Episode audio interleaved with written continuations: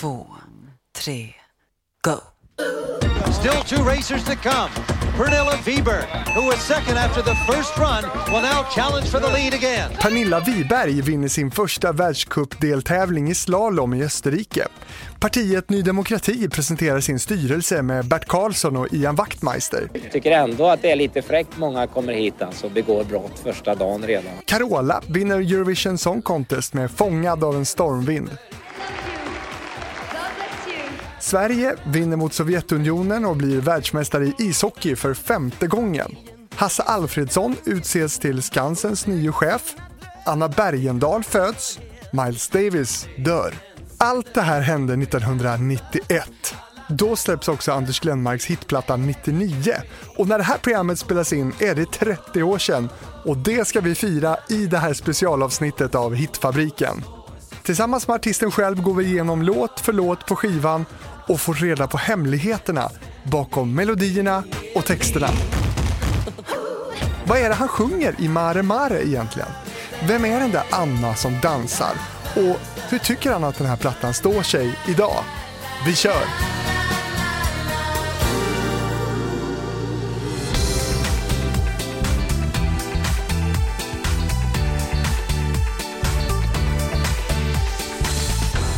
Välkommen till Hitfabriken Anders Denmark. Tack så mycket, trevligt.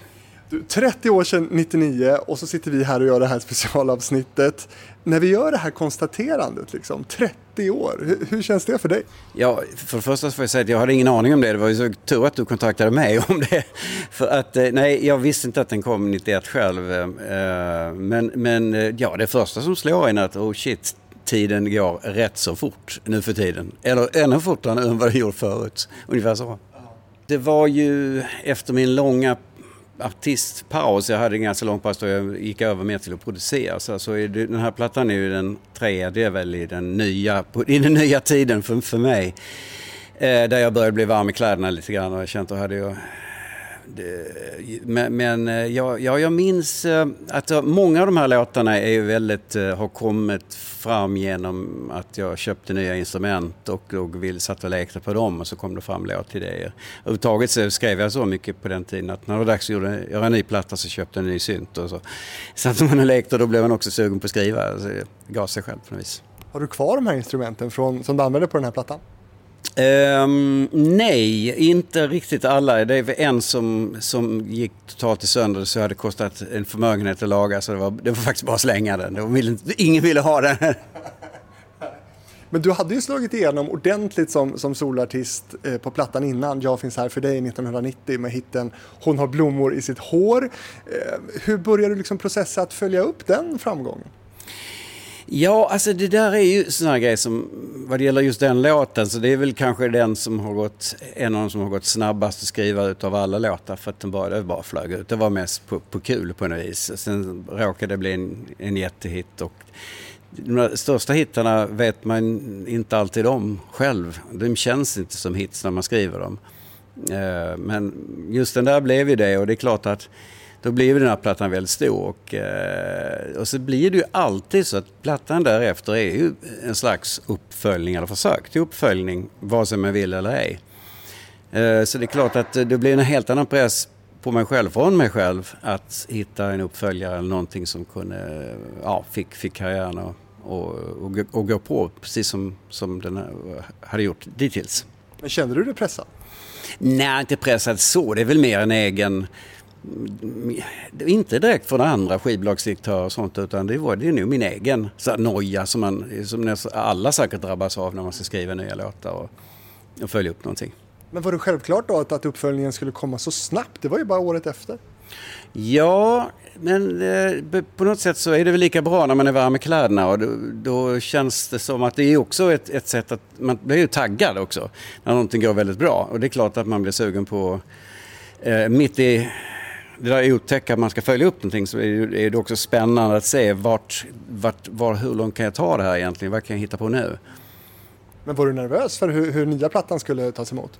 Mm, nej, egentligen inte. Det, ja, man tänker inte så när man sitter och skriver utan när man skriver så har man antingen en bra dag eller en dålig dag. Och eh, det, det är ju mest för att det, det är klart att eh, det närma, de närmaste människorna, det är ju de som man vill i första hand ska bli, tycka det känns bra och positivt. Så, de de i sin närhet och, och det skivbolaget man ligger på och andra. Ja, Du nämnde om Hon har blommor i sitt hår, att den gick så snabbt att skriva. Är det din erfarenhet att, att just de här låtarna som blir stora hits, att, att det, det är de enkla? Ja, jag, jag har den uppfattningen och jag tror inte att jag är ensam om det. Det är säkert många låtskrivare som känner så. Det, det är ju, jag tror det är sällan någon som sitter nu ska jag skriva en riktig fet hit här. Eh, de gånger man har tänkt så, så har det absolut inte blivit det och in, in, inte fått till en duglig låt på det heller. Utan de bästa låtarna, eller inte alltid bästa, men de som blir stora, det är, för mig i alla fall, så har det gått väldigt snabbt. Den här plattan då, 99, som vi ska ägna det här avsnittet eh, åt, den spelades in på Polarstudion i augusti och september 1991. V- vad har du för minnen kring själva inspelningen? Ja, det, det är ju Polarstudion då i första hand och eh, jag bodde ju praktiskt taget där nästan. För att jag gjorde alla mina produktioner där i Studio B, en trappa upp tillsammans med Lennart Östlund som var tekniker.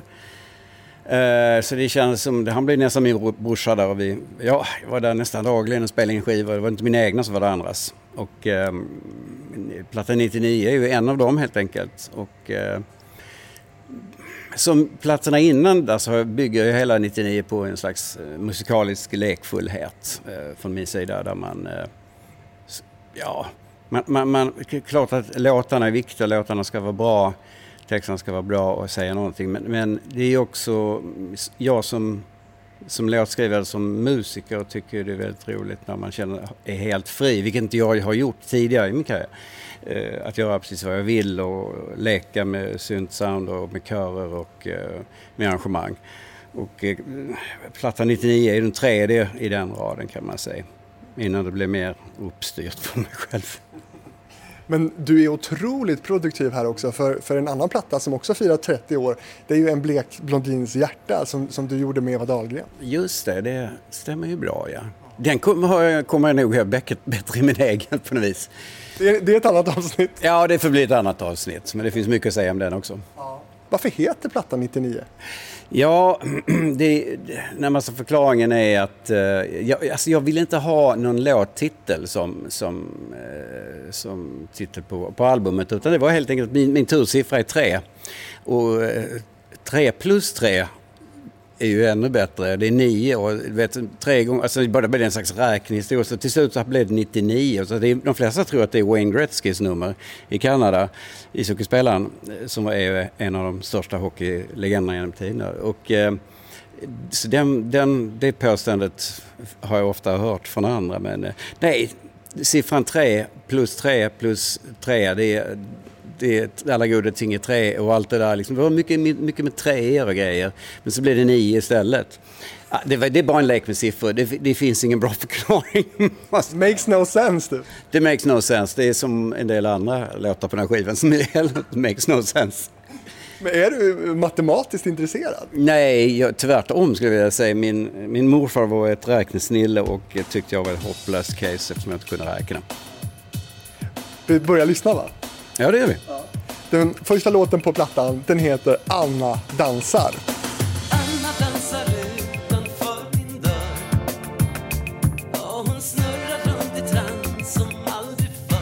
Vem är denna Anna? Anna heter inte Anna, hon hade ett annat namn eh, egentligen. Men det var en av eh, de bästa kompisarna jag hade i, när jag bodde nere i Ystad. Och gick på läroverket där. Och, eh, Eh, hon, eh, jag hade någon slags, inte kärleksförhållande, men en slags platoniskt förhållande med kan man säga.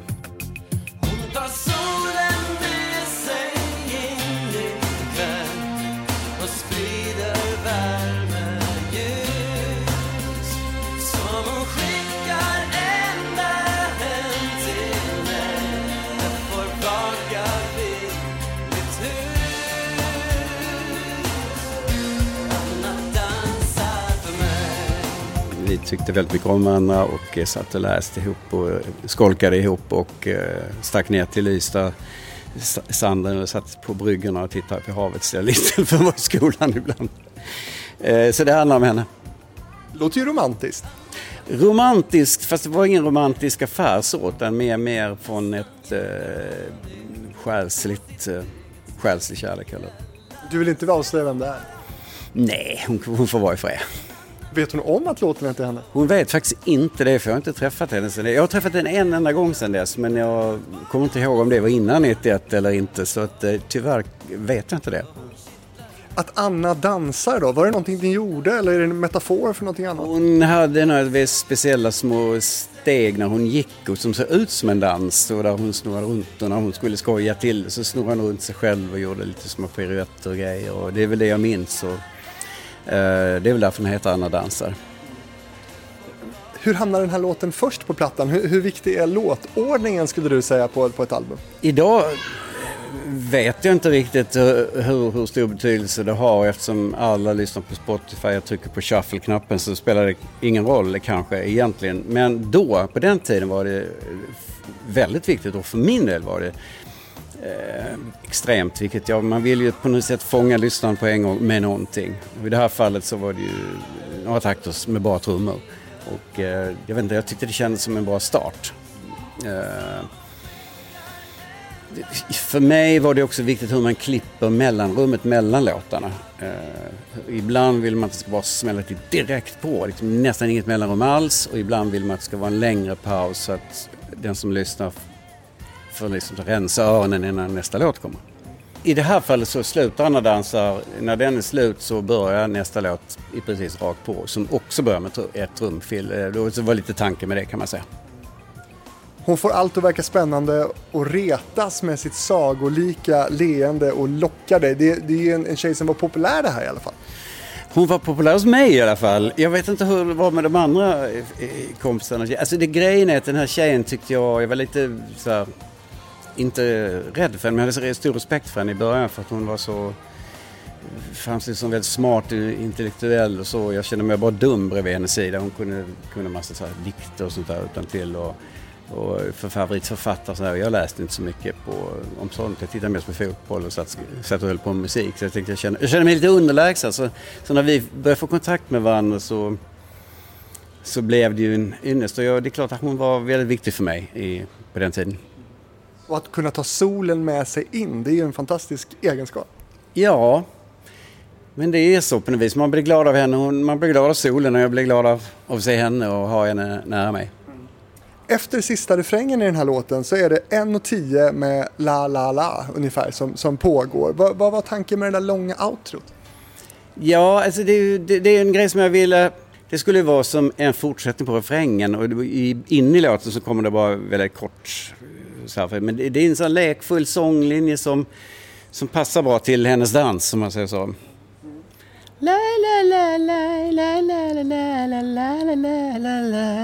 Så där gick den och um, jag tänkte att det där är bra att upprepa länge, länge, ungefär som slutet på Hey Jude, jag får säga.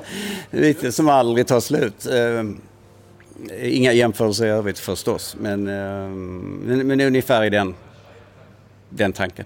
Men jag känner, jag känner mig väldigt nöjd med det. Jag tycker det är en av de bättre låtarna på plattan och eh, eftersom den har så många olika delar och eh, jag tycker det var kul att jag själv tycker det är roligt att jag gav den här flickan en, en chans att få vara med på en, en av mina skivor. Jag tycker att du ska berätta det här för henne. Ja, jag får väl göra det. Jag vet inte fasen hur jag ska få tag i henne bara. Men, Hört talas om Facebook? eh, ja, jag är inte inne där särskilt ofta, men det, det händer någon gång om året sådär. En, två, tre, go!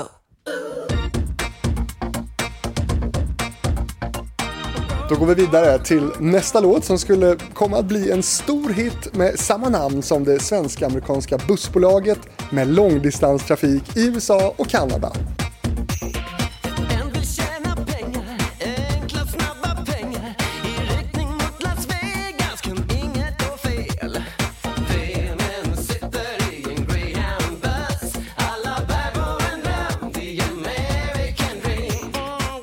Du, den här låten den tog sig in på svenska singellistan. Där stannade den fem veckor mellan oktober och december 91 och den nådde som bäst tionde plats. Tog sig även in på Svensktoppen där den låg 13 veckor. Den nådde andra plats som bäst där. Och så låg den fyra veckor på Tracks också som bäst på plats sju. Vilken hit! Eh, Det var ju kul att veta. Jag visste inte det här. Eh, konstigt att jag inte vet det. Det borde jag ju veta.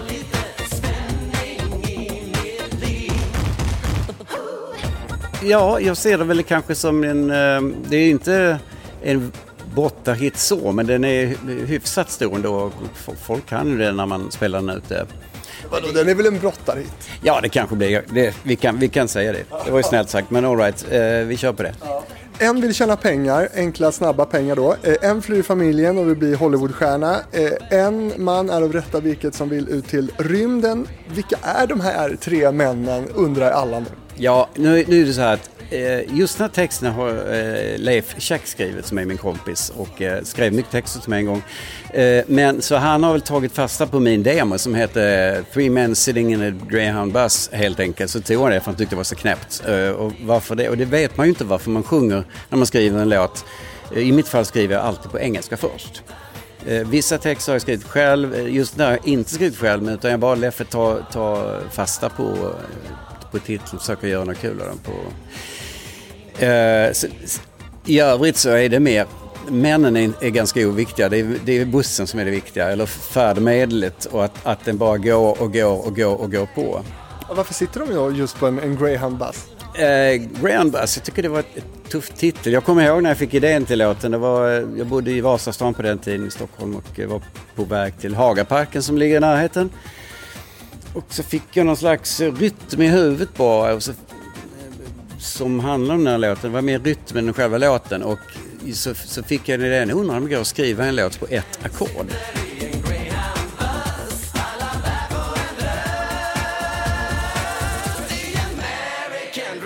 Och det tänker man inte på, men den här låten har faktiskt bara ett ackord. Eh, Eh, om man tänker efter, så det som spelas är ju ett enda ackord. Så att det, det ska bara malas, malas, gå på. Det är en skitdum idé.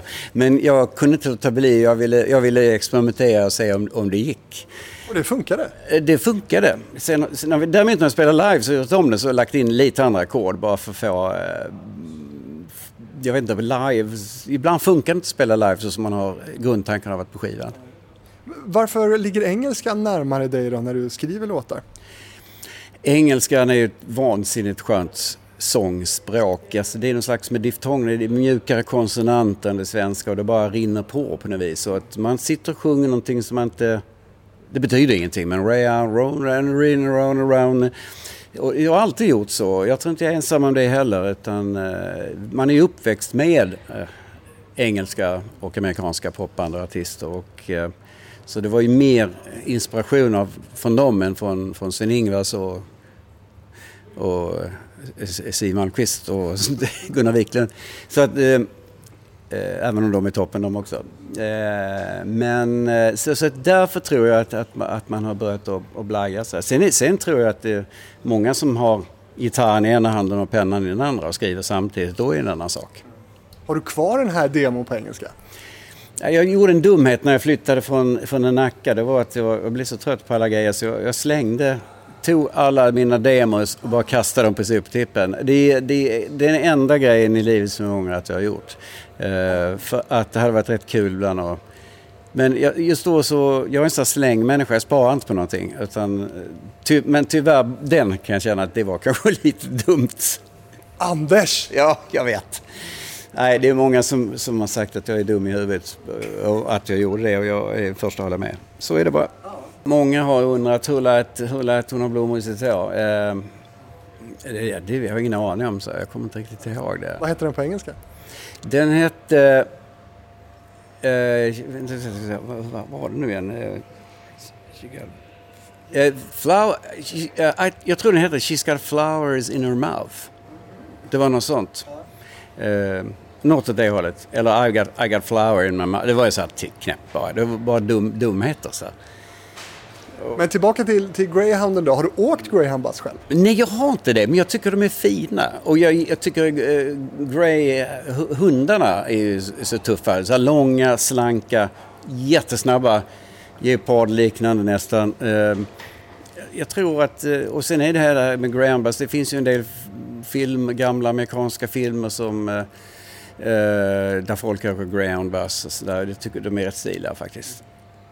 Då har du en resa kvar att göra. Mm, jag, bort med coronan och sen så, så ska jag åka Greyhound Bus. Ja, Det måste du ju nästan göra. Jag måste nästan göra det, jag håller med. Och eh, jag gör det gärna också. Mm. En, ett signum för den här låten i början, det är ju en röst som, som räknar ner. Och det är ju självaste Fröken Ur, Johanna Lundberg, som, som också var med i videon till den här låten. Men innan vi pratar om henne, hur landade du att, att det skulle vara en nedräkning i början? Eh, vilken bra fråga. Jag undrar om inte det var så att det var tänkt att den skulle ligga först. Eh, och det var, passade så bra med en, två, tre, go. Eh, och sen går plattan igång. Det tyckte jag var en rätt kul grej. Men sen blev inte det. Sen började jag med go och körde go, go, go, go. Och sen, sen så har jag använt det som eh, ordet go i många så här, sånglekar och grejer. Jag tror den finns även på Madam om jag inte minns fel. Någonstans. I alla fall live finns den. I live-versionen. Jag använder det ordet för jag gillar ordet. gillar ordet go. Det är go i det. Jag har träffat Johanna och pratat om hennes upplevelse av den här insatsen och eh, hon eh, lämnar också en hälsning till dig. Men hon berättar först här hur hon hamnade där. Alltså jag jobbade ju på Polarstudion där den här skivan spelades in i receptionen. Eh, och så var jag tillsammans med chefsteknikern och han spelade ju in också den här plattan då. Och eh, jag, jag hade nog sjungit lite grann, lite här och lite där. Jag var ju, ville ju, ja jag sjöng ju mycket och höll på med min röst och sådär. Ja, så Anders frågade. Upp i studion med dig. Jaha, okej. Hur gick inspelningen till? Kommer du ihåg? Nej, det gör jag faktiskt inte. Men jag kan inte tänka mig annat än att jag gick in och så eh, gjorde jag det jag brukar göra. Jag läser. En, två, tre, go. Ja, och sen var det klart liksom. Hur många tagningar blev det? Nu, du satte den ju väldigt fint nu. Ja, jag, jag tror att jag satte den ganska bra. Kanske tre säger vi då. Ja. Det var väldigt roligt att vara uppe i studion ju. Fick man känna sig lite som en stjärna. Det var härligt. Ja. Den här låten blev ju sedermera en, en stor hit och spelades mycket på radio och sådär. Eh, vad fick du för, för reaktioner? Nej men folk älskade det och det blev ju en video. Där jag ju är så här rysk eh, militär på något sätt och står och pekar på någon svarta tavlan och, och håller på och har någon jättekonstig peruk. Ja, väldigt, väldigt roligt. Men jag, jag jobbade ju på Sveriges, eh, alltså jag jobbade ju på TV faktiskt. Och de var inte överförtjusta. Det är typiskt TV va, SVT. Nej, man får inte göra någonting annat än att jobba på SVT. Så de var ju lite, alltså jag kanske inte höll på att bli av med jobbet, men det var lite sådär att de ändå ville Ja. sätta ner foten och poängtera att sådana här saker ska man inte hålla på med när man är TV, hallå. Så, så var det. Mm. Eh, Men jag lyckades behålla jobbet några år till. Men en sak som du minns det var att, att den här låten Graham Bus det var inte den tilltänkta liksom, storsuccén egentligen som skulle ha blivit liksom, den stora låten. Nej, det här var ju inte alls eh, tänkt att bbli hitten faktiskt. Eller singel ens en gång tror jag. Utan det var ju Du är så underbar från samma platta som skulle ha blivit eh, hit och singel. Eh, och den, den, är ju också, den, är ju, den är ju underbar så den blev ju också en, en hit. Men inte alls lika mycket som den här. Och Johanna, har du någon hälsning nu till, till Anders Glenmark då så, så här 30 år senare? Jag hörde hans nya låt här och jag blev så glad. Jag ville hälsa. Jag tycker han är en av de bästa i musik-Sverige och har varit under väldigt många år. Allt han gjorde eh, med Eva Dahlgren och Orup och Strömstedt och allt det här han producerade och så. Det, blev ju, det var guld. Helt enkelt. Tack Anders! Ja, Anders, det var hon, Johanna, 30 år senare. Ja, det var ju länge sedan man såg den fina människan. Det var väldigt roliga, en rolig tid när hon var ju i studion hela tiden och eh, eftersom hon var tillsammans med Lennart som var tekniker. Och det var jättekul och det var så roligt att hon ville vara med. Hon har ju en så härlig, eh, så skön voice tycker jag. Sen var hon väldigt duktig eh, på att sjunga också. Hon och hennes syrra kommer jag sjöng ofta duetter tillsammans och sådär. Så det, det har jag faktiskt någon video på hemma. Så, privat video. Har hon rätt då? Det här var inte tänkt att Graham Bass skulle bli så stor. Nej, det var det nog inte. Däremot så minns jag inte att, att eh, låten Underbar skulle bli en, en, en singel. Men det var, det var nog jag själv som ville det för att jag tycker den kanske var den som jag var mest stolt över eh, av olika skäl. Vad kul! Har du något att hälsa till Johanna? Johanna, kära gamla vän. Vad trevligt att höra din röst. Hoppas jag får höra den snart igen. Kram. Då lämnar vi Greyhound-bassen och går till den låt som Johanna då nämnde eh, och som tydligen då, i alla fall enligt hennes minne, var tänkt att bli en framskjuten låt, kanske till och med singel. Du är så underbar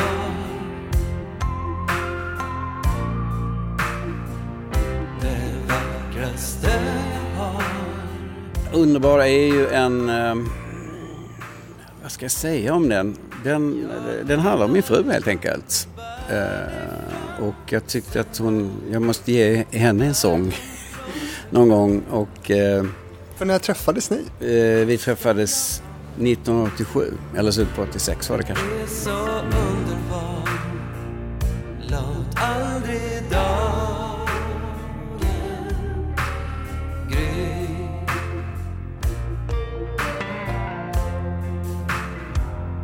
ska vara nära nu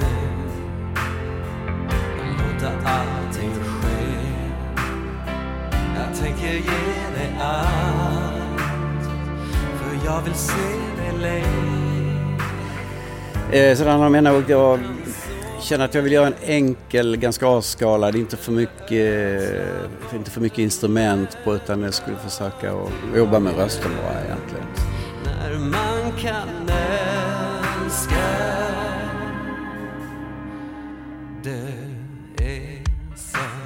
underbar Vad tycker hon om den? Hon tycker jättemycket om den. Säger hon i alla fall. Det förstår jag. Hur, hur utlämnande skulle du säga att den är? Den är nog ganska utlämnande. Så att texten är ju... Det handlar ju om en, en, en skön akt i alla fall. Det är ju det det går ut på. Eh, när man är nära varandra. Sådär som man kan komma. Och, det handlar om sex. ja, kan man säga. Det, det är det. Det är nog det enda låten jag skrivit som handlar, handlar om det. Tror jag i alla fall. Jag vet inte. Är det svårare att göra en kärleksfull ballad som handlar om, om sex än att sjunga om tre män i en greyhound-bass? Det är mycket svårare tycker jag. Eh, och det är nog inte alla som håller med mig där men eh, jag tycker alltid det är lite svårt att skriva eh, utlämnande saker. Så därför, mina grejer är ju ofta rena fantasier men ibland så eh, på den här plattan just finns Finns det kopplingar till olika människor? Eh, mer än nästan någon annan jag har gjort, eh, skulle jag vilja säga. Men hur privat är den här låten för er då? Jag tänker, har den fått leva vidare? Har du sjungit den för henne när hon fyllde år och så vidare? Jag har slarvat där skulle jag. För nog, eh, det kanske jag borde ha gjort för länge sedan. Och, och, eh, jag vet inte om... jag ska fråga henne så här, kommer du ihåg att jag skrev en låt till dig på den här plattan? Så jag säger, eh, ja, kanske. Hon kanske inte ens kommer ihåg det. Eh, jo, det gör hon nog. Jag tror det. Jag hoppas det. Jag sjunger ganska, i ett ganska lågt läge på den här eh, som jag... Innan så var man sån här höjdfreak. Alla som är tenorer vill ju sjunga så högt som möjligt. Och även jag, dumt nog. Det blir till slut en... Man sitter och tävlar med sig själv för att se hur högt man kan komma och sådär. Ehm, men det är, jag beslöt mig för att lägga den ganska lågt och, så att det blir lite mer värme i rösten. Och, för det var viktigt på den låten tycker jag. Är inte det lite underskattat det här med att, att få känna liksom klangbotten? Jo, det är väldigt underskattat och jag eh, har på senare år eh, känt att ett tag fick man nöje. Eftersom man blir äldre så förlorar man också höjd. Det drabbar ju nästan alla, eh, kvinnor som män. Man, man, det går inte att tänja liksom på stämbanden lika mycket längre. De slutar inte tätt lika enkelt. Och, eh, men det har till. Men istället så kommer det, ju- brukar ju tillföras någon form av mognad. Att man känner att det blir mer värme i rösten. Mer, eh, det kan bli lidande. Man kanske behöver för stort och brett vibrato istället så man kan bli för teatralisk. Men eh, i, i många fall så tycker jag att åldern har nästan blivit som ett plus just för, för rösten. Jag vet att Robert Broberg, när han spelade in låtar där han skulle ner på botten av rösten, då gjorde han det på morgonen. När spelades den här låten in? Eh, det, det, det där är, jag kan hålla med om det. Jag kommer ihåg att när jag kom till studion ibland och, och vi skulle spela in Lennart och jag och då, eh, då sa tryck på, tryck på record direkt för just nu har jag bra botten. Och det var att man kanske hade sovit dåligt eller man hade druckit lite för mycket vin dagen innan eller så man var lite rosslig och så här. Och jag har ju aldrig haft, jag har alltid önskat att ha en sån riktigt manlig, djup, skön stäm, bull, lite mer bullrig stämma sådär. Eh, lite mer Tom Jones-aktig sådär. Men eh, det, jag har aldrig fått till det riktigt. Så enda sättet är att spela in väldigt snabbt på morgonen. Eh, då tyckte man sig ibland få lite knorr och sådär, vilket jag gillar. Ett enkelt pianointro tar oss in i nästa låt. Öppna min bok och läs om historien som alla vet Blev min egen verklighet En historia jag drömt om och saknat på så många sätt Även om jag nu tycker Det här, Anders, är en av mina favoritlåtar från plattan och som jag nog har lyssnat mest på. Och det här låter ju som att det handlar om en, en gammal kärlek helt enkelt. Ja, det gör det. Eh, det handlar om flera olika kärlekar på en gång kan man väl säga.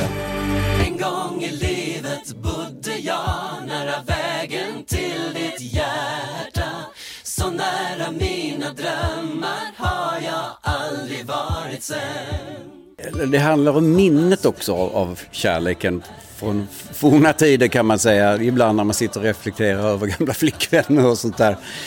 Eh, och ibland så, så kan man tänka på dem och ibland inte så för att man längtar tillbaks dit men därför att man, det, är en, det är en sak som har funnits i ens liv.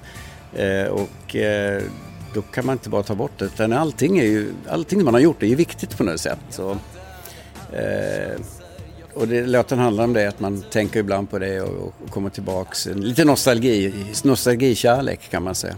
Precis, en gång i livet bodde jag nära vägen till ditt hjärta och att man då på avstånd älskar någon för vad det kan vara värt. Eh, och vad är det för avstånd som du refererar till liksom i låten? Det är fysiskt avstånd i det här fallet det är, och att man är på, eh, ja inte både fysiskt utan även eh, att man, för vad det kan vara, om det kan vara värt någonting kan, kan det vara kul för dig att veta att jag ibland tänker på dig och på de, de grejer vi gjorde tillsammans och sådär. Ungefär så. Eh, Det är en sak som, som och vill, vill du vara med i den tanken så är du välkommen så säger jag annars så bollar jag för mig själv. Det är vilket som.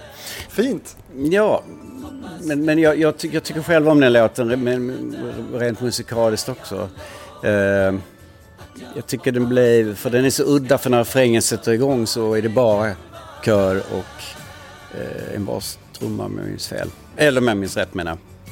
Och det är, det är ju det som är, som är lite konstigt med den här låten. Att den, istället för att växa, pang så kommer refrängen och jup, drar man ner det istället egentligen. Det är egentligen bara att det är en fet kör som kommer istället. Och det, det tyckte jag var en rätt kul idé. Men ändå byggs den ju upp till något väldigt pampigt. För visst är det väl så att vi, vi bjuds på tonartshöjningar här? Här bjuds vi på två stycken på en gång tror jag. Ehm, Men, eh, jo det är det. Det var ett sätt att... ehm, Nej men det, det, det här är som det finns på några andra låtar på skivan där jag börjar väldigt lågt att sjunga. Sen så vill jag sluta med lite mer pang i slutet och lite finalaktigt. Och den, den, den, den, den blir ganska dragig till slut. Det är, ibland kommer, ofta kommer det till att, att man, man vill låta det växa. Man vill, det ska bli större och större. Det, det är en sån oskriven regel på något vis. Men på tal om tonartshöjningar, det var inget mellotänk här eller? Det var det absolut inte.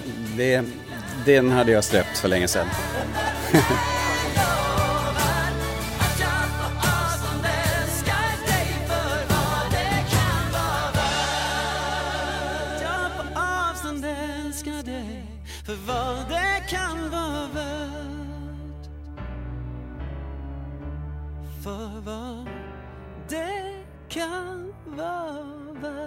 Den viktigaste rent musikaliska grejen på den här det är ju, det är ju körsoundet och det är ju syrran och jag som gör körerna på den här. Och, eh, Bara ni. det är bara vi. Och, eh, det var ju alltid så. Jag ringde alltid till, till min syster när, vi skulle, när det var kördags. För att hon har väldigt speciell röst och vi blandar väldigt bra hon och jag. Man kan varandra in och utan till rent musikaliskt. Så, eh, så det är väl en grej som jag är ganska lite stolt över på, på just den låten. Karin Glenmark pratar vi om. Karin Glenmark, min kära syster. Hur är det att jobba med sin, sin syster då? Det är bra, det har aldrig varit något konstigt. Eh, Hon är syra men när, hon, när vi är i studio så har hon alltid varit en, en sångerska bara som, som jag råkar passa väldigt bra ihop med rent musikaliskt. Och, eh, så det har alltid, nej det har varit kul. Jobbar ni ihop någonting nu? Nej, det gör vi inte. Det var länge sedan. Vi gjorde en julplatta en gång tillsammans hon och jag. Det var väl det senaste vi gjorde men det är väl rätt länge sedan. Nästa låt, det blev nog plattans största. Mare, mare. Vad gör man en söndag morgon? Mare Mare tog sig in på svenska singellistan. Där stannade den sex veckor eh, mellan februari och april och den nådde som bäst 20 plats. Tog sig också in på Svensktoppen, den låg sju veckor eh, 1992. Den nådde också en andra plats som bäst där. Den låg också fyra veckor på Tracks, eh, som bäst på plats sex Också en hit. Ja. ja, det är väl min näst största hit skulle jag vilja säga. Den, eh, det, det där är en låt som kom till ifrån en ren... Jag kommer ihåg det, vi hyrde ett ställe som, eh, ut i, i skärgården som vi var en liten ångbåtsvänthall och eh, där satt jag och skrev den här låten. Och, men det var verkligen en, en söndag och jag satt in i en solstol och hade inget för mig direkt. Och så kom den här idén. Eh, Eh, själva låtidén i, i sig kom eh, från eh, sovrummet i stan, kommer jag ihåg. Det hade jag, jag hade ingen studio vid den här tiden så att jag slängde upp min nya synt som jag hade köpt. Satt och lekte med den och hittade den här basgången som, plattan, som platt, låten bygger på. Och sen blev det en låta. Det gick på några minuter bara. Och texten kom i sommarstugan. Och den var på engelska först såklart. Ja, det var den. Det, men, men texten kom rätt snabbt på svenska där också. Det var... Eh, och att den heter Mari Mari, det var, det var så att jag hade alltid något italienskt tema på, de, på tre av plattorna. Det var nog alltid någon låt som hade någonting med Italien att göra och eh, på den här plattan så var det Mari Mari just. Bara det ordet, egentligen ingenting annat. Jag tycker Italien är ett fantastiskt land på många sätt. De har, de har, de har stil, de har mat, de har språket, bilarna, modet, eh, vinet, maten. Ja, eh, ja, det är ett fantastiskt land. Det, jag, jag tycker om att komma dit. Vad gör man då på en söndag morgon? Eh, man... Eh,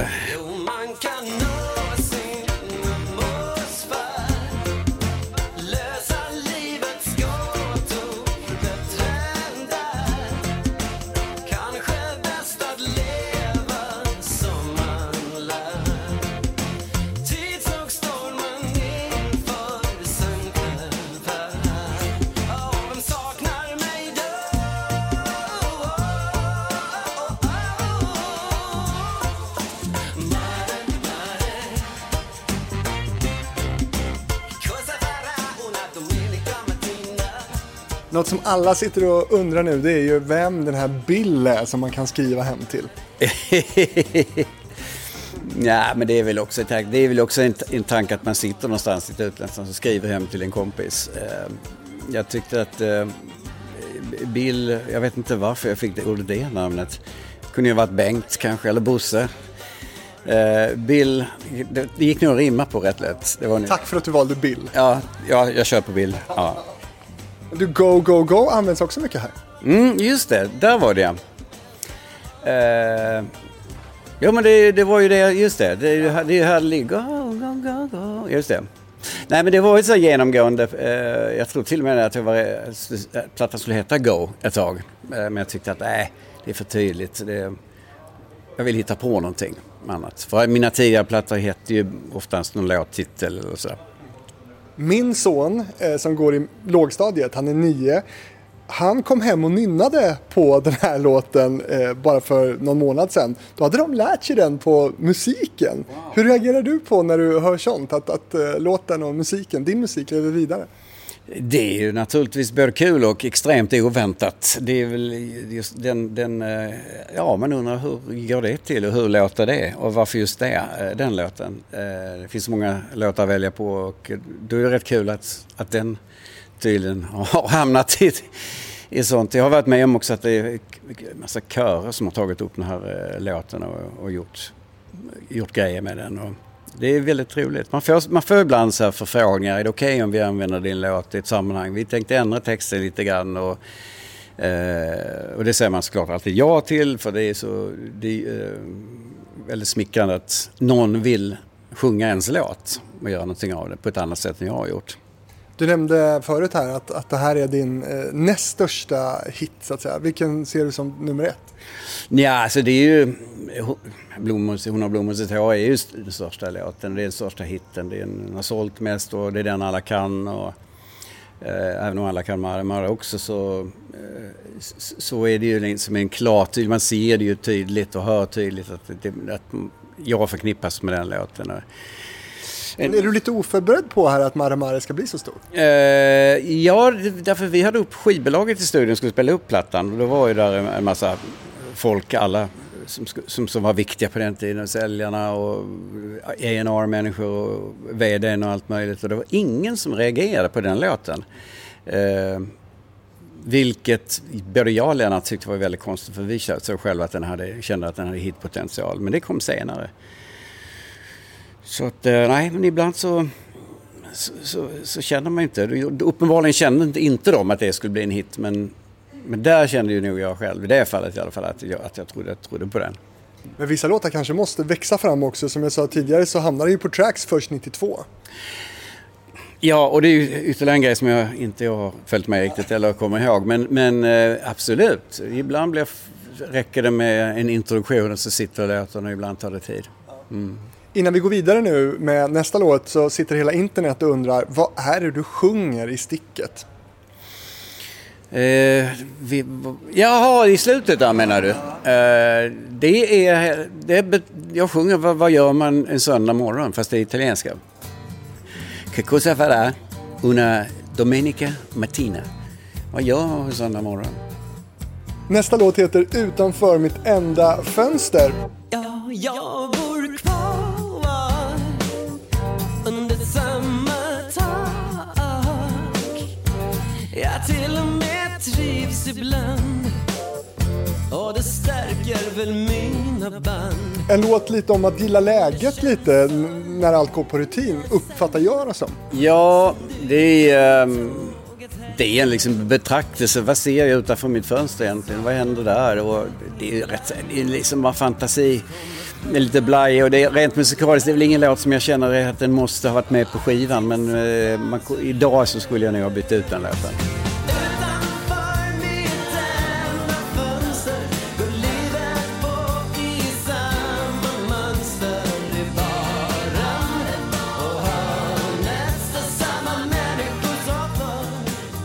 Jag vet inte, det är någonting med den som jag inte tycker blir bra.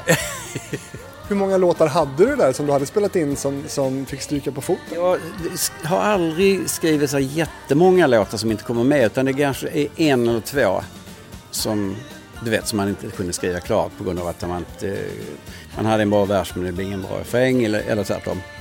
Hamnade de på tippen i Nacka eller har de kommit med på andra album? Ja, det värsta är väl att de ligger i nacken någonstans men, men ibland så kommer man ihåg vissa uppslag till låtar ändå. Som man, som man själv inte riktigt kan släppa för man tror fortfarande att det ska bli något bra. Men, men, men å andra sidan har man lärt sig nu vid det här laget att blir det inte bra från början så är det sällan det blir bra sen heller. Men när man lyssnar på den så det känns som att det finns någon saknad här i den här låten. Det är lite moll. Ja, alltså, det ju, ordet saknad finns i nästan alla lå- låtar tycker jag. Det, det är ju alltid den här eh, lite jo- jobbiga förhållanden eller saknad efter någonting. Det är sånt som är lätt att skriva om. Vem var det som du gick promenader med där utanför det här fönstret? Det var nog en fantasifigur tror jag. Det, var- det var nog mig själv och mina egna tankar oftast. Det, jag, jag hade, om jag bara såg eh, låttiteln, nu har jag lyssnat igenom skivan innan jag kom och träffade dig men, men ehm, annars vet jag sjutton om jag hade kommit ihåg den. Tveksamt. Jag tillhör de som gör en skiva och sen när jag är klar med den så lägger jag den på hyllan och sen gör jag något annat.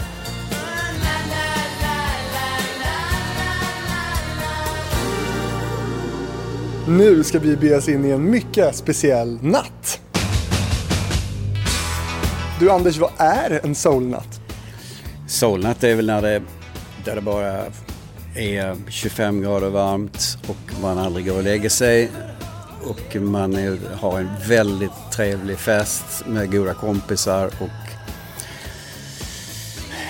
och låter den, låt, man blir ett med natten, låter den komma och den tar aldrig slut helt enkelt. Det, är- det är bara en, en vild fest, vild och skön fest. Hur kom du på det uttrycket då?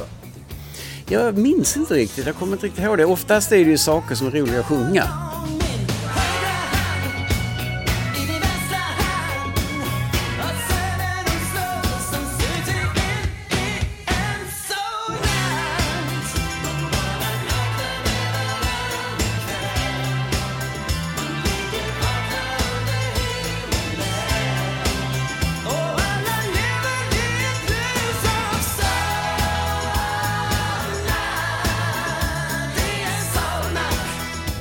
Soul är ett schysst ord på något. Eh, nu så här efter så hör man ju texten rätt dåligt på skivan så låter det mer som Solna. Det kanske låter som en, en hyllning till förorten eller någonting. ja. Solna. Mm. Men, men då, är det något du ägnar dig åt? Eh, men det är väl också en sån här grej man kan göra på natten när ingen annan kikar så mycket. Och det är ganska skönt att bada naken. Det ehm, eh, man är ju, att inte vara naken är ju att våga visa och våga vara det. Det, är inte, kanske, det gör man ju inte med vem som helst så som helst.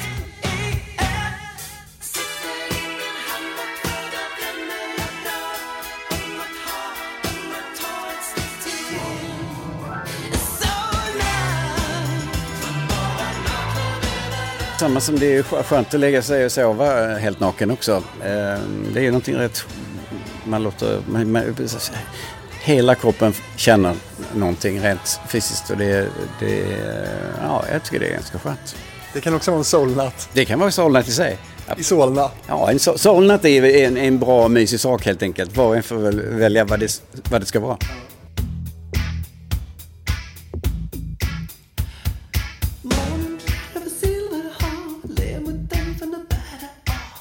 Du gör ett väldigt speciellt stick eh, som blir nästan som en dropp i, i låten här. Hur kom det till? Jag vet inte, jag tror att jag är, har lite sådär, jag var lite Prince-tokig ett tag. Jag tror att jag hittade någonting i hans sätt. Det är ju ett sätt att normalt sett så ska refrängen komma där men då stoppar jag in en liten, liten appendix där kan man säga innan refrängen kommer tillbaks. Och det var, eh, det, det var, ett, var en lek att bara få lura folk. Det var ju, blev ju snyggt ju. Ja, jag tycker det är kul. Jag, jag gillar det. Det är lite Beatles också sådär. eh, Ett sätt att man behöver inte göra eh, ett låtkoncept som alltid brukar vara samma. Vers, refräng, vers, refräng, stick, refräng, slut. Så att ibland är det kul att göra något annat. Albumbilden tänkte vi kunde prata lite kort om. Hur kom den till?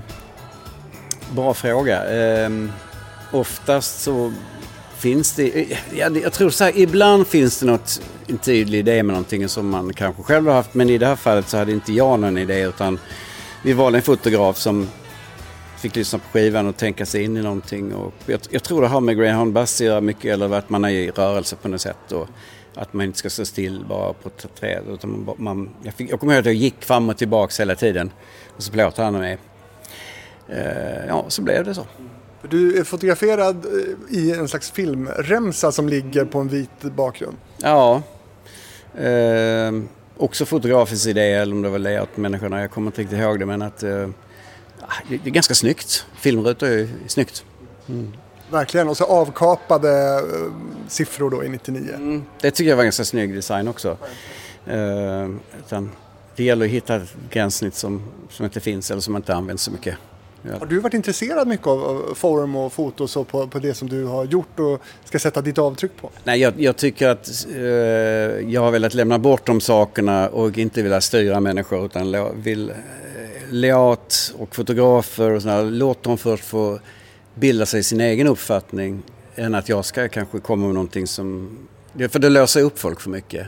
Det är samma ibland när man har haft musikerstudion eller har musikerstudion att man man förklarar lite grann hur saker ska, ska vara och sådär men sen är det väldigt viktigt att man ger gitarristen eller basisten eller trummisen också eg- egen frihet att försöka tolka mina signaler och ta det vidare eh, från hans eller hennes eh, förmåga så att säga.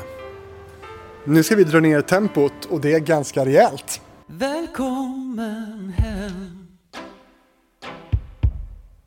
tar fem timmar hit med tåg Skynda dig hit, du förstår När du ser vad jag såg Varje gång du ber mig, jag kommer. Följsam kille. Jag är ju rätt snäll. jag gör som folk säger. Ja, Du kom hit idag. Ja, jag kom hit idag med glädje. Pratar gärna om mina gamla skivor. Men, men eh, nej, alltså det, det, det är väl också en fantasigrej det där. Det är ingenting eh, i något särskilt... Eh, att, att man, man längtar efter att, att hon ska ringa. Varje gång du ber mig, jag kommer Varje gång du ber mig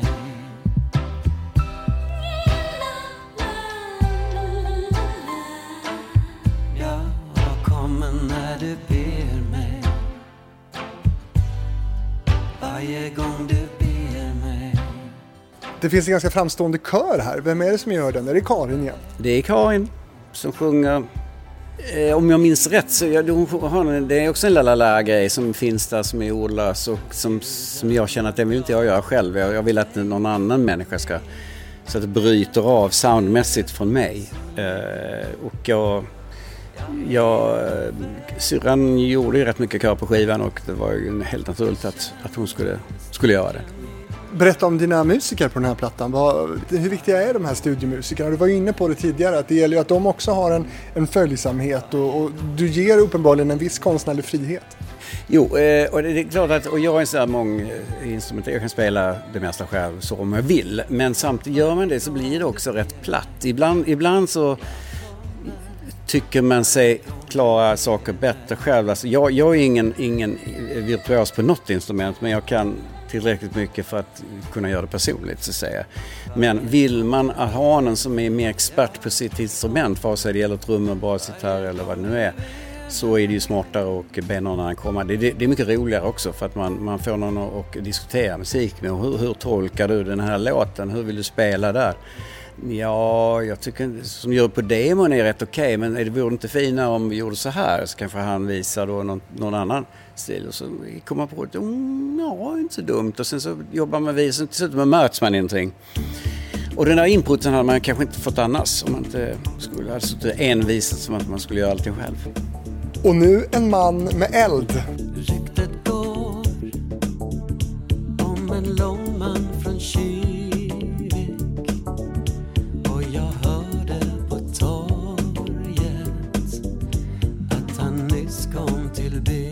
Det här är en låt som sticker ut lite på skivan skulle jag säga. Det är lite annat liksom musikaliskt eh, och väldigt syntigt komp Mm. Det är också en frukt av att eh, det var samma synt som, som jag använde som när jag skrev Mare Mare. Jag skrev den här låten också på den här synten och det var ett in, eh, en rytm som går, ett sound som jag gjorde, som ett kompsound där jag tog bort attacken i ljudet. Nu jag låter jag riktigt nördig här men jag tog bort för att det inte ska tang, tang utan njut, njut, njut, man säger så. Och den där låten där kompet finns i eh, går igenom hela låten. så, Eh, eh och en rytm som jag gjorde på, på trummor och det soundet på synten. Och eh, det är så den låten kom till egentligen.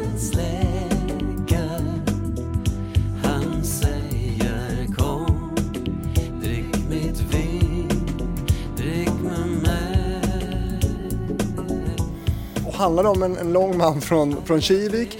Och mot slutet av låten då så avslöjar just det att, att den- där mannen med elden, det är du. Han är jag, sjunger jag. Ja. Jo, det sjunger om mig själv. Eh, nu kommer jag inte från Kivik, men jag tyckte det var mer roligt att sjunga på eh, än Ystad. Eller Tomelilla är det svårt att få in på så det låter bra. Så Kivik tyckte jag lät, eh, lät lite skönare. Vad tycker du om låten idag? Eh, ja, men jag, jag håller med dig, den sticker ut. Den, den är i sitt eget fack på något vis. Eh, för den är, den är väldigt rytmisk och eh, den är ganska lekfull. Eh, den är cool. Nej, jag gillar den själv.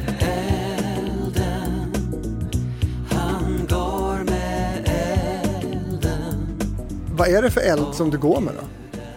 Ja, alltså, det, det är ju också en sån där, det kan ju vara vad som helst. Men det är bättre att gå med eld än med vatten på något vis. Det, man- vill att... Någon slags spänning va? Ja, ja, det är spänning, det är värme, det är explosivitet, det är en, en vansinnig förälskelse. Eh, allt sånt som är, eh, du vet, kraftigt och starkt. Nej, men det, det, det är också så här, jag tror vi spelade in den här på, det tog några timmar bara att göra alltihop. Alla gjorde det på en gång bara. Det var en sån som var- som väldigt lätt att göra därför att det var, det var så kul att hålla på med det bara. Man visste aldrig riktigt vilken väg den skulle ta men eh, den är lite originell så här, och det är ju alltid kul att göra alla annorlunda grejer.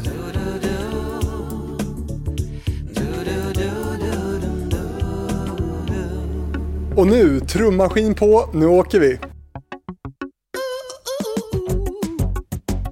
Härligt popdriv i den här du. Ja, men det här, är- det här är en väldigt syntig eh, och eh, lek med rösten och så mycket rytmik med rösten. Så, det är väl sånt som jag, är mitt signum lite grann också. Jag tycker om eh, rytm, timing i, i, i körer och sånt där. Det, det går jag igång på ganska mycket.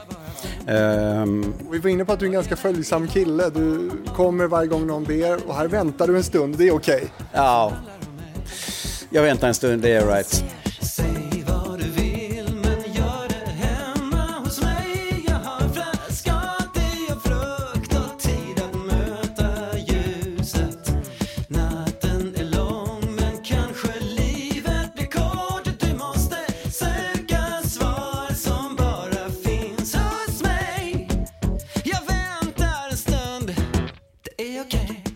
Men det, det är bara, det där är en, där är en låt som, som egentligen inte har något, eh, vad gäller texten, eh, det är inget speciellt så som det handlar inte om någonting särskilt utan det, det är låten som har fått styra här och det är, eh, det, det, är en, det är också en låt som jag kunde ha skippat kanske om jag hade hittat. Det är, det är ett par sådana låtar, det är alltid så när man tittar tillbaks på sina pro- produktioner så att eh, vad är det som gör att du inte är nöjd med den här då? Mm, ja, alltså, det, det, alltså, jag tycker ju om när en låt går att spela på ett piano eller en gitarr eller i en symfoniorkester eller en, gör en körsats utav det och det funkar hur som helst. Jag tror den här låten gör inte det. Det är ingen låt som är, det är ingen komposition som är så, som är Mm, man går igång på direkt, inte jag i alla fall. Jag, men det var, även det var kul att göra det för att jag sitter ju och leker och har roligt. Och det, det var, på den tiden så var nästan det det viktigaste för mig. Och det gick ju snabbt, det var snabba beslut. Jag har aldrig suttit och tänkt över så mycket. Fast är det här verkligen rätt? Ska jag inte göra en ny refräng här eller ska jag inte göra detta? Utan, Nej, så jag gör det klart? Och sen så får jag stå kastet sen. Lite så. Men för vissa artister och upphovsmän är det väl svårt att just göra klart en låt? När är en låt? När känner du att en låt är klar? Ja, alltså en låt, man kan ju hålla på hur länge som helst och någon gång måste man väl ge sig på något vis. Eh, finns det andra som tycker och har sagt, vet jag. Och eh, jag, ehm, jag sitter inte och tjatar med mig själv och sitter inte och letar fel direkt när jag gör utan jag, jag låter det få skava lite grann. Jag alltid, många, och det är rätt konstigt för många ser mig som en slags perfektionist och tror att jag är det. Eh, alls icke skulle jag vilja säga, så snart tvärtom. Eh, jag, jag, jag tycker om när det går snabbt och sen så blir det inte bra så man, kan man hellre göra om allting från början. Men inte sitta och peta i varje pålägg och, och, låta mixen ta flera dagar och sådär. Nej, jag tycker, inte, jag tycker inte det blir bättre utav det. Inte, inte mina grejer i alla fall. Är du slarvig? Nja, jag kan vara, det kan jag vara om jag vill. Jag kan ju vara väldigt slarvig men eh, huvudsaken är att man har väldigt roligt i det man gör. Och, eh, eh, för, jag tror att just här lusten att göra saker genomsyrar det mesta och är ju det som... Jag tror det känns också när man har haft kul själv. Sist ut på albumet så avslutar du otroligt lågmält. Det var en gång en vän till mig som jobbade i järnaffär Ja, det här blev väldigt lugnt och, och stilla. Även den här gjord på, ett, eh, gjord på den där synten vi har pratat om tidigare. Eh, på ett sound som jag kallar för vemodig. eh, så den, ljudet vemodig tog jag fram då och då på vissa låtar och det var ett, ett sound som jag älskade som var till olika sound som jag hade satt ihop eh, och som låt, lät väldigt drömskt och väldigt så här ehm, luftigt och jag, jag, jag tyckte om att skriva låtar med det. Och då blev, men det var ett litet ledset ljud så därför blev låtarna, de här låtarna jag skrev eh, oftast lite vemodiga och lite eh, tungsinta och ehm, Men, men, låten, men samtidigt så är det, är det ju en ljus... Ehm, man, man, man känner... Det är ju en sak som har misslyckats. Det här var en, en tjej jag var tillsammans med för länge, länge, länge sedan i början av tonåren. Och eh, hon, hon gjorde slut med mig helt enkelt. Och jag tog det extremt hårt. Eh, Jag, jag kunde inte... Vi var bara tillsammans några veckor men jag, jag kunde inte, inte riktigt släppa henne och... Eh, eh, mådde skit och och väldigt, väldigt länge och eh, den känslan, jag kommer ihåg det hur jag kände då och eh, men sen, sen, sen, sen avslutar jag men, men jag mår mycket bättre nu, jag mår faktiskt mycket bättre nu. Eh, utan, ett, och det är vad jag sa då på den tiden när en viss tid hade gått så det är väl mer Det är häftigt hur du får in ordet järnaffär i den här låten.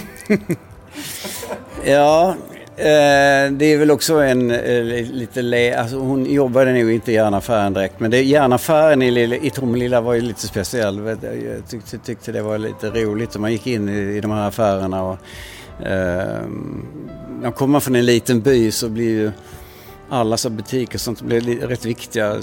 Lilla kiosken och lilla badstället och, och järnaffären. När var du inne i en järnaffär senast?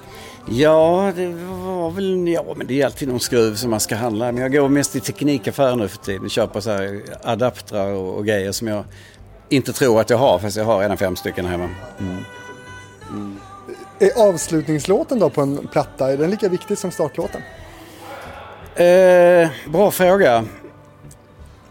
Mm, för min del så, så just den här låten hade inte kunnat ligga någon annanstans. Känns det som. Jag vet inte vad jag lägger man efter en sån. Det känns ju som en avslutning och eh, inte lika viktigt tycker jag. Men på den tiden när man innan CDn kom så, så la man ju sida 1 och sida 2. Då var det viktigt att, man, att sista låten på sida A, den skulle vara så pass som man var tvungen att vända på skivan och sätta på eh, eh, första spåret på B-sidan.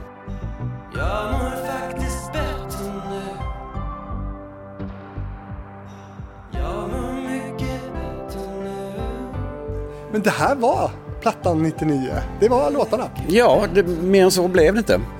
Det blev ju superbra. Ja, vi får hoppas det. Det är ju gammal men eh, ja, det är ku- kul att snacka gamla minnen. Trots att du hade glömt några. Jag har glömt eh, väldigt många, eller man kommer inte ihåg allt, men ibland är det roligt. Man, man kan ju lyssna avspänt på sig själv nu för tiden, eh, vilket man inte kunde göra eh, när en platta är gjord. Sätter man på den och begrundar vad det är för någonting, man, då hör man ju bara fel överallt. Så att, eh, men så är det ju inte längre. Men du, vad minns du av mottagandet då, av 99? Jag, jag, jag har en känsla av att den det började lite långt. Förra plattan var ju en sån, sålde ju otroligt bra. Eh, den här började trippa väl igång lite långsammare och det kändes som att det inte riktigt eh, fäste på det sättet som plattan innan gjorde. Men sen, sen vann den ju mark eh, och det gick väl bra till slut om jag minns rätt. Så att det, var, det var väl mer lite långsamt helt enkelt innan den kom igång. Hur tycker du att den står sig idag nu när vi sitter här på Skanstull och, och tittar ut mot ett grått Stockholm och har lyssnat på 99? Eh, jag tycker att en del låtar håller fortfarande väldigt bra. Vissa låtar kanske är det bara jag som gillar. Men, men eh, och andra låtar kunde jag som sagt kanske ha skippat och tagit in något annat. Ungefär så. En blandning. Det här var en av de första plattorna som jag fick och har mycket minnen kring den och gillar ju naturligtvis då alla låtar eftersom jag har lyssnat väldigt mycket på den. Men vilken låt ligger närmast dig utav de här som vi har hört nu, så här 30 år senare? Eh, jag tror att eh, Anna dansar eh, och sista låten. Och till sist då Anders, det kommer att dröja två år till nästa album, Boogie i mitt huvud. Är det en platta som du börjar med liksom direkt efter 99 eller hur såg den processen ut? Nej, jag har aldrig börjat att skriva direkt efter en platta tagit slut. Det finns artister som gör det eller har gjort det men eh, nu var det ju min karriär men jag, min karriär var också producentkarriären och jag hade alltid någonting annat att producera emellan. Det var alltid snarare så att jag fick svårt att klämma in sig själv och sina egna låtar och få tid till det. För det var alltid någon, någon annan som kom emellan. Skriver du någonting nu?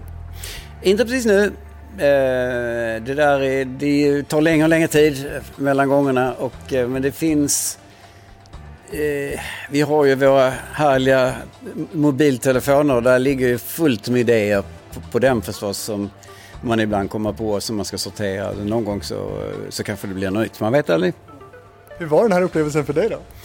Väldigt kul. Det är, det är, det är en märklig sak att känna, är det verkligen jag som har gjort det här? Eh, För att, eftersom man inte minns riktigt allt, men uppenbarligen så har jag gjort det eftersom det finns på, finns på tryck. Eh, Men eh, ja, det är roligt, det är kul. Och man hade kunnat prata mycket mer med dig om all möjlig musik och hits som du har gjort. Men det här var avsnittet om plattan 99. Eh, du som har frågor, synpunkter eller ros. Inte ris väl? Nej, mest ros vill vi ha på fabrikspost.gmail.com. In också och eh, kika på lite rörligt material på eh, Hitfabrikens sida på Facebook och Instagram. Anders Glenmark, tack för att du ville vara med. Tack för att du ville ha mig. Tack.